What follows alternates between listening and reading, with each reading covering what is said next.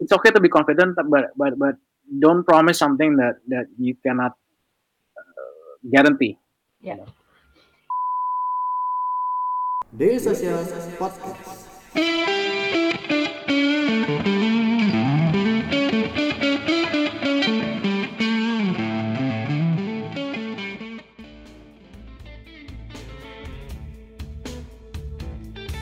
Visi Talks kembali hadir dan kali ini kita akan berbincang-bincang dengan Arya Setia Dharma, CEO of Prasetya Dwi Dharma. Hai Arya. Halo, halo, halo. Sebelum kita berbincang-bincang lebih jauh, mungkin Arya bisa menjelaskan Prasetya Dwi Dharma itu apa?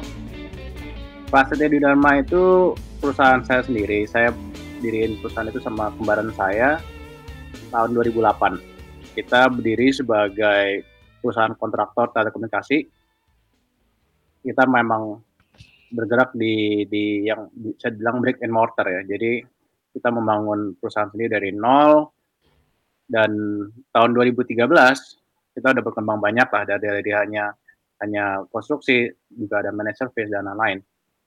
2013 kita ngelihat bahwa bahwa teknologi itu sangat dipen, diperlukan dan sangat banyak involve-nya. Jadi dari dari kita how we do business itu we use a lot of technology. Jadi dari pengalaman itu kita melihat bahwa kita perlu melakukan investasi di di teknologi startup.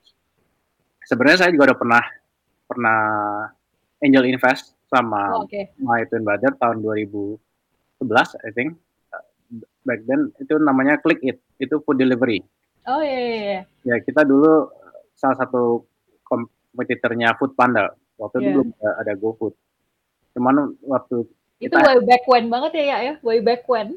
Iya, way back, way back. Pernah menang, pernah menang echelon juga, echelon Iya. Jakarta, terus ke Singapura. Eh, saya juga ikut datang waktu ke Singapura. We met a lot of startup, great startups. Cuma back then mungkin masih masih beda ya. Iya. Sistemnya startup masih beda.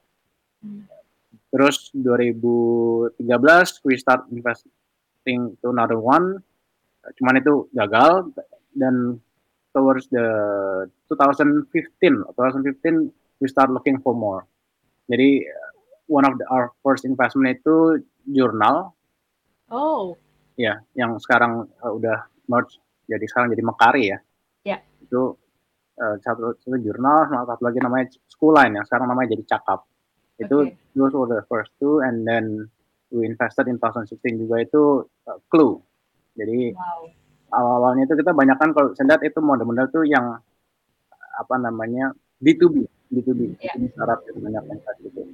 Jadi starting 2016 until now we have invested more than 90 startups all over kita bilangnya all over the world, cuman specifically Indonesia, Malaysia, Singapura, ada India satu dua, ada satu China, tapi itu karena kita banyak invest di Y Combinator startups.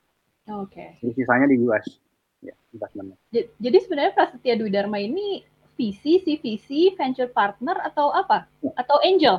Angel di investor? Dharma ini kita we invest from balance sheet. Jadi kalau kita ngelihatnya itu bentuknya lebih ke arah corporate VC ya, karena from from from PT yang emang ada operating, Iya. tapi ada venture arm-nya gitu. Jadi lebih bentuknya lebih ke arah corporate VC.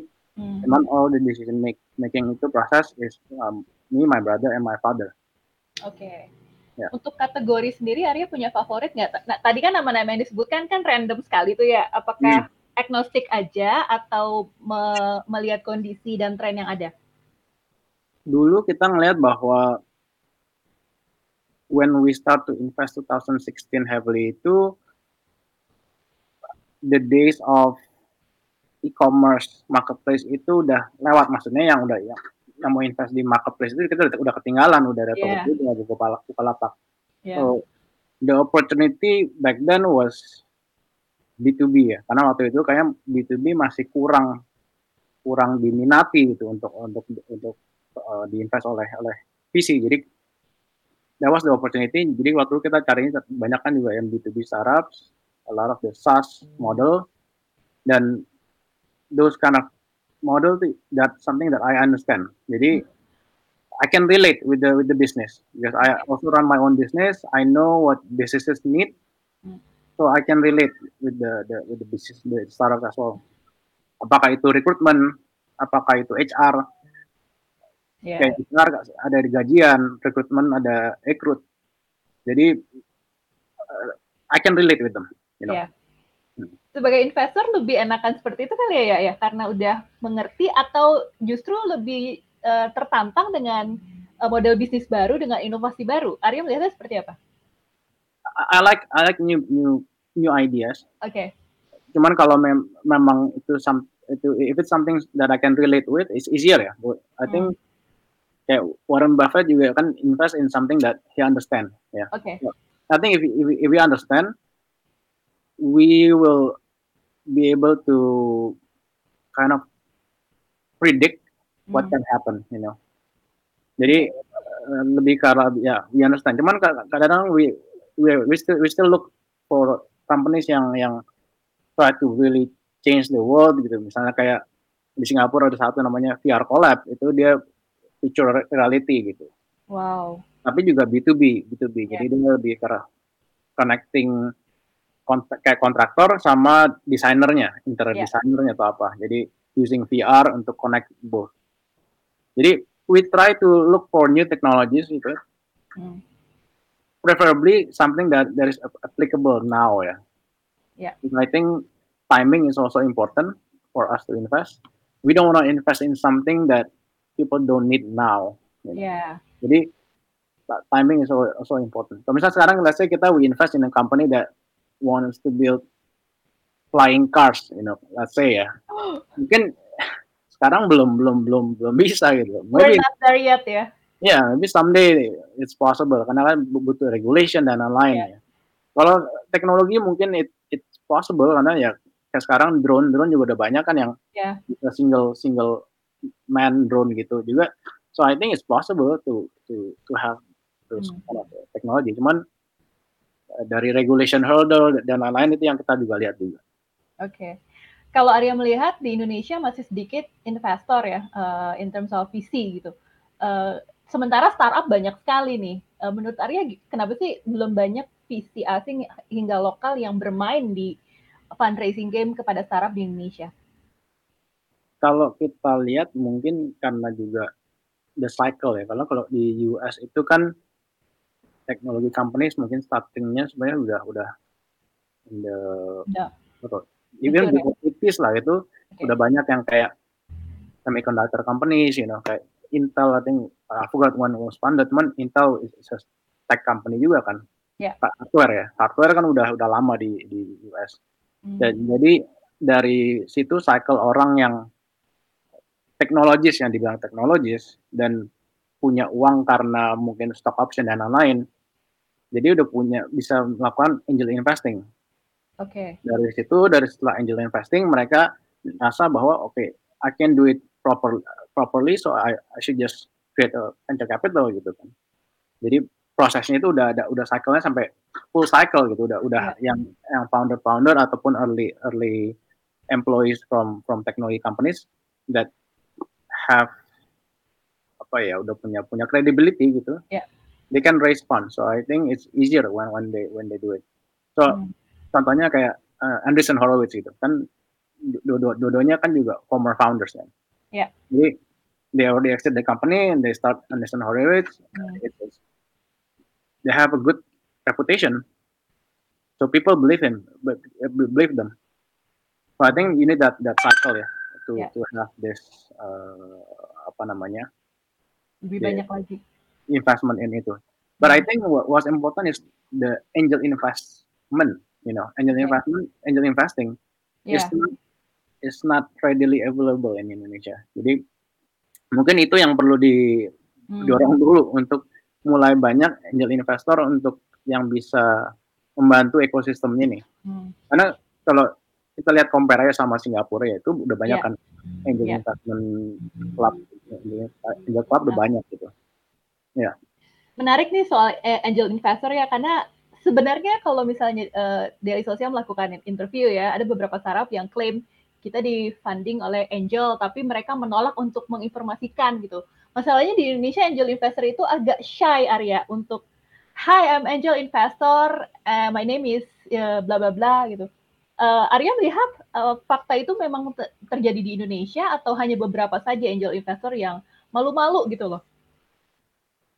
Mungkin malu-malunya itu nggak mau diekspos gitu loh ya? Iya, ya kita oh. nggak tahu what reason. Cuman yeah. I can imagine misalnya if it's not their full time job ya, if it's not oh. getting a lot of inquiries or people or startups coming to them. Yeah overwhelming juga gitu. Jadi jadi yeah. kayak misalnya uh, oh, banyak, you know, jadi lebih karena that's not their focus itu, that's not their okay. their day to day job kan. Jadi mungkin mm. getting a lot of inquiries juga it's not fun for them. Okay. Maybe this this angel investor have kayak apa? They have their own full time job or even their own company to run. Right? So yeah. So yeah, I think that's the problem sih. Mungkin tipsnya ya how to spot shy angel investor. Apakah lihat dilihat dari perusahaannya atau dari track recordnya dia, dari background, dari work experience atau gimana ya? Well, to be honest, I don't know how to. I mean, uh, I'm just gonna be, uh, be honest. I mean, kayak, kayak kayaknya kok memang kalau misalnya memang angel investor ini memang mau mau mau aktif, ya yeah. dia pasti akan akan akan oke okay tampil ya. ya. Yeah. Jadi, kayaknya kalau founder-founder udah ketemu founder lain dan ada angel investornya yang yang baik gitu. Oh. mungkin bisa diminta di refer gitu. Referral jadinya ya. Yeah. Nah, okay. Kalau untuk angel investor, I think by referral is, is much yeah. better daripada daripada cold emailing, cold yeah. emailing gitu. Ya. Yeah. So I would okay. I would suggest ask the founders for introduction for yeah. biar kenal. Oke, okay. karena beberapa banyak uh, funding yang sukses itu justru dari referral gitu kan ya? Ya, ya, ya. Even Prasetya, ya, even Prasetya we we prefer referral sih daripada okay. direct code. Just because we invest in early stage kan, and yeah. and and we need credibility ya of the founder. Yeah. Jadi kalau misalnya nggak ada orang yang bisa vouch for him or her yeah. ya susah juga kita nggak tahu dia sebelum ini ngapain kan. Walaupun dia waktu kerja profesional we it's better if we know someone who work closely with him oke okay. Ya. Jangan lupa subscribe Ngobrolin Startup Daily Social Podcast di SoundCloud, Spotify, atau aplikasi podcast favorit kamu. Oke, okay, sekarang kita bicara soal kesalahan uh, yang uh, sering dilakukan oleh founder. Arya melihat apa sih uh, yang sampai saat ini uh, founder Indonesia tuh masih terus melakukan uh, kesalahan ini? Uh, gimana ya? I think when saat you fundraising ya, saat fundraising kita ngomongnya ya. Saat fundraising. Ya. Yeah. Um, saat fundraising, I think tidak ada under maybe under underestimating underestimating okay. Hmm. the problem that will come ahead itu okay. satu um, being overconfident okay. of what they can deliver I think is also something but uh, everyone has confidence uh, confident bias ya. jadi kayak I think it's okay to be confident hmm. cuman cuman jangan sampai kita yakin bahwa contohnya misalnya gini I'm only racing for 12 months. Let's say misalnya. Okay. Misalnya uh, dengan harapan oh, don't worry, I will be able to race another round in six months. Hmm. Kayak bisa kayak gitu-gitu ya you you don't know gitu. I mean like yeah. how can you be so sure that you can, right? So don't be too too too confident about about it, you know. Okay. Jadi ya misalnya fundraising what 18 months, jadi I will try, or you know, like language, I will try to fund, start fundraising in, in, mm. in 12 months or six months. Jadi, it's okay to be confident, but but but don't promise something that that you cannot uh, guarantee. Yeah. You know? Ada beberapa startup yang uh, cannot accept rejection, Arya, uh, ketika mereka ditolak. Rejection, penolakan. Yeah. Uh, ketika me, me, menawarkan pitch deck mereka. Uh, apakah fundraising itu memang harus sabar karena tidak dapat one chance you got the funding gitu uh, atau memang kalau ternyata model bisnisnya relevan dengan CVC atau CVC itu uh, akan lebih mudah gitu. Kalau Arya melihat gimana supaya startup founder ini nggak pantang menyerah ketika fundraising? I think in life we should not give up easily. Yeah. So yeah. so if we're confident about what we do, just keep doing it. I think that's okay. one thing. And yeah, I do my own business too. Right? I have my, my yeah. customers. So I've got rejection as well. I mean, I've got tenders I lost as well. Yeah, tenders yang yang kita udah prepare for a year and then we lost. You know, I mean mm. that happens. I mean, so it's not just you. it's like everyone else is experiencing experiencing it, right? So semua orang pasti dapat rejection. Jadi kayak yeah nggak mungkin yang langsung kayak selalu gol gol gol gol gitu jadi pasti dan masalahnya memang mungkin yang keluar di media adalah yang berhasil dapat funding. Yeah.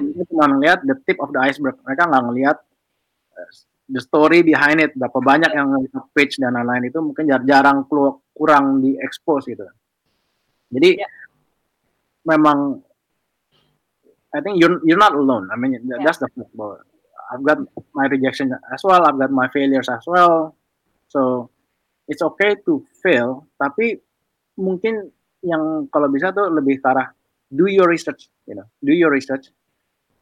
Misalnya nih, ya, contohnya yang paling itu kayak misalnya, I'm not gonna mention a name. Jadi misalnya yeah. visinya ini series B and up, yeah. and you come to pitch for seed funding, you know, it's not gonna work gitu. Yeah. Jadi memang so you do your research, make sure that this this investor or VC or angel has interest in that stage and has interest in the, in your industry. So I think do your research before you you come to the meeting. Itu kalau misalnya mau maximize the the outcome ya. Hmm. Sama lah kalau kita mau mau apa namanya apply kerjaan gitu. If you're an engineer gitu and you apply to hospital for the position of a nurse gitu ya you're not gonna get accepted gitu jadi so so I think you need to know where you wanna apply first gitu. do so, your research ya dia nggak buang waktu juga gitu yeah. dia nggak buang waktu oke okay. Uh, Arya, idealnya visi itu berhak nggak sih untuk menyampaikan kegagalan portofolio mereka? Karena kan selama ini visi uh, uh, keluar-keluarnya nih portofolio yang sukses gitu uh, ada etikanya ideal nggak sih kalau mereka nge-share ada ini portofolio kita yang gagal dan what we learn from this experience gitu. Arya melihat itu seperti apa? Mungkin butuh butuh tetap butuh izin dari foundernya ya. Oke. Okay. Share sampai nama dan lain-lain. Cuman tapi kalau di luar negeri uh, kayak gitu nggak sih atau di Indonesia aja kejadiannya uh, cukup unik gitu? Uh, Arya itu seperti apa? Sama ya I mean kalau di di ngobrol-ngobrol lagi ngobrol-ngobrol kayak sih nggak apa-apa ya okay. kalau mau mau mau share gitu ya. Uh, Tapi kalau in a publicly public, gitu ya. Publicly kayaknya ethically you have to ask the founder and hmm. if the founder is okay then ya yeah, you can mention name if not then probably jangan jangan sampai dibilang tuh tahu detail juga. Oke. okay. Lebih ke arah what has gone wrong aja ya mungkin yeah. lebih ke itu. Apakah eh, mungkin kan kayak misalnya kayak startup ada yang hiring too fast ya. Oke. Okay. Because you get funding, you hire you hire too fast. Hmm.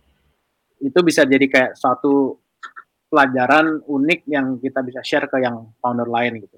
Tapi jangan sampai dibilang oke okay, startup A yang ini melakukan ini gitu kayaknya oh. dulu ya. Itu rahasia dapur ya? Ya, yeah, I think itu ya ya itu rahasia masing-masing. Cuman okay. I think what we can help in terms of helping the next founder adalah what we learn from from the other portfolio, yeah. what we can apply to your portfolio, that's what we share. Lebih ke arah insight ya, insight dari dari dari gagalan-gagalan ini. Oke. Okay. Pertanyaan terakhir Arya, uh, ini pandemik kayaknya uh, berkepanjangan nih. Bahkan kita sekarang sudah mendekati the second wave gitu. Arya melihat bisnis akan lebih struggle dan kira-kira bisnis apa yang bakal muncul menjadi survive atau bahkan menjadi pionir saat pandemi yang diperkirakan masih akan terjadi dua tahun ke depan nih Arya?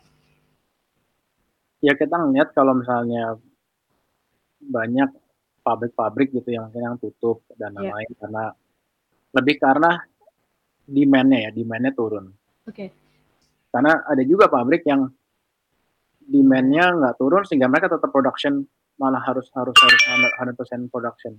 Iya. Yeah. Jadi kayaknya untuk untuk beberapa industri memang karena end user demand-nya sangat menurun sehingga dampak ke value chain yang lain ini sangat besar itu. Tapi kalau hmm. untuk teknologi startup itu tergantung ya, tergantung mereka targeting end user juga atau ke corporate.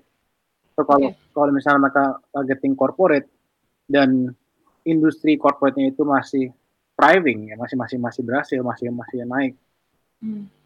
mungkin bisa fokus di industri itu tersebut misalnya kayak healthcare gitu ya healthcare yeah. sekarang uh, I think even logistik sekarang juga I think is, is rising because just because kayak hmm. people don't wanna travel you know so they have to send things whether domestically atau keluar juga penjualan mungkin makanan-makanan yang online, yeah. pengiriman paket dan lain-lain itu mungkin yang menaik yang naik sekarang.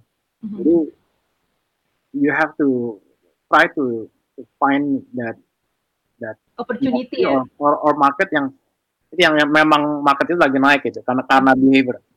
Memang to be honest with you, I, I'm I'm I'm an engineer. Uh, I'm, I'm an engineer waktu dulu okay. belajar tapi I'm very intrigued with economics and psychology. And oh. combination is what people usually call behavioral economics, you know. Okay. Um, and it's how people make decision and and and and dengan situasi yang yang sekarang ini how people behave itu it will impact how they decide on what they purchase. Jadi oh Wow. Uh, psikologinya psikologi ini itu yang yang yang yang membuat mereka make decision kan. Yeah.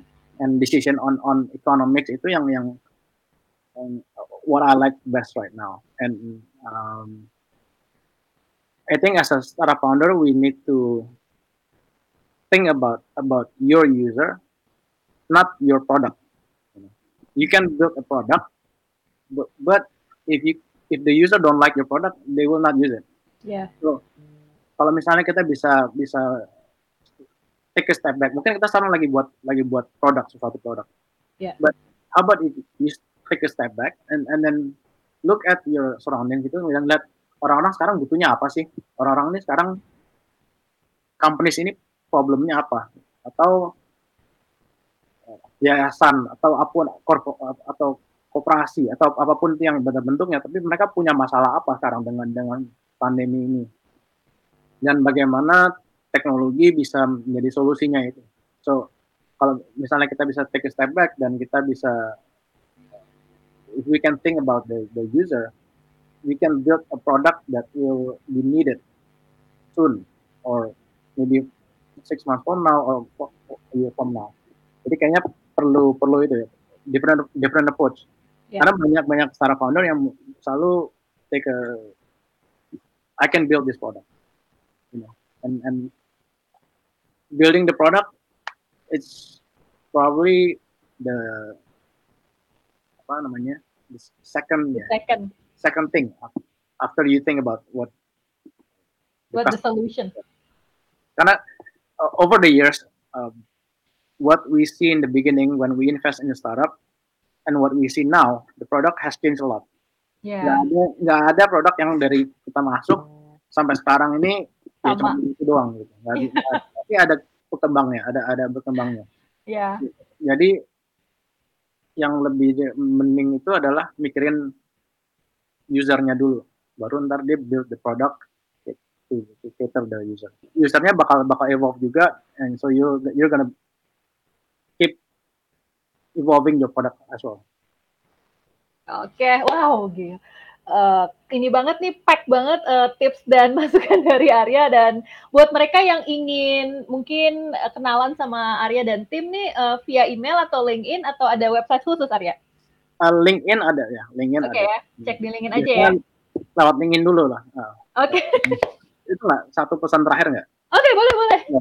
Maksudnya kadang-kadang kan startup founder melihat bahwa being a startup founder itu mungkin jadi kayak being your own boss gitu ya, being yeah. apa namanya jadi kayak financial freedom apa gitu. Cuman hmm. that's not the case gitu. And and and and I think when you're starting something, maybe you start with the product, but you have to imagine that in 10 years from now, you're actually leading a company. company. You're you're not just building a product. You're gonna lead a company, and are you ready for that? Jadi bukannya bukannya bilang bahwa nggak boleh atau pasti gagal dan lain-lain. Yeah. Some people mungkin bisa gitu ya. Yeah. Bisa cepat adaptnya dari dari dari kayak being a product manager jadi benar-benar kayak CEO yang leading hundreds of people.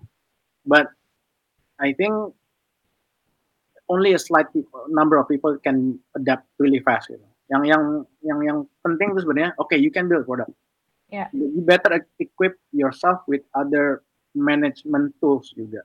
Jadi kayak yeah. misalnya punya punya mentor yang punya pengalaman da dalam yeah. dalam managing. Jadi kalau misalnya mereka entar ada pengalaman, pengalaman dalam hiring dan lain-lain, you can learn from them. So you have to prepare yourself for a long term journey and and don't see it as a two or three years thing. Oke. Okay. Thank you Arya atas waktunya. Oke, okay. thank you. Kabar selanjutnya ya. Oke, okay, Oke, okay, bye Arya. Thank you, bye bye.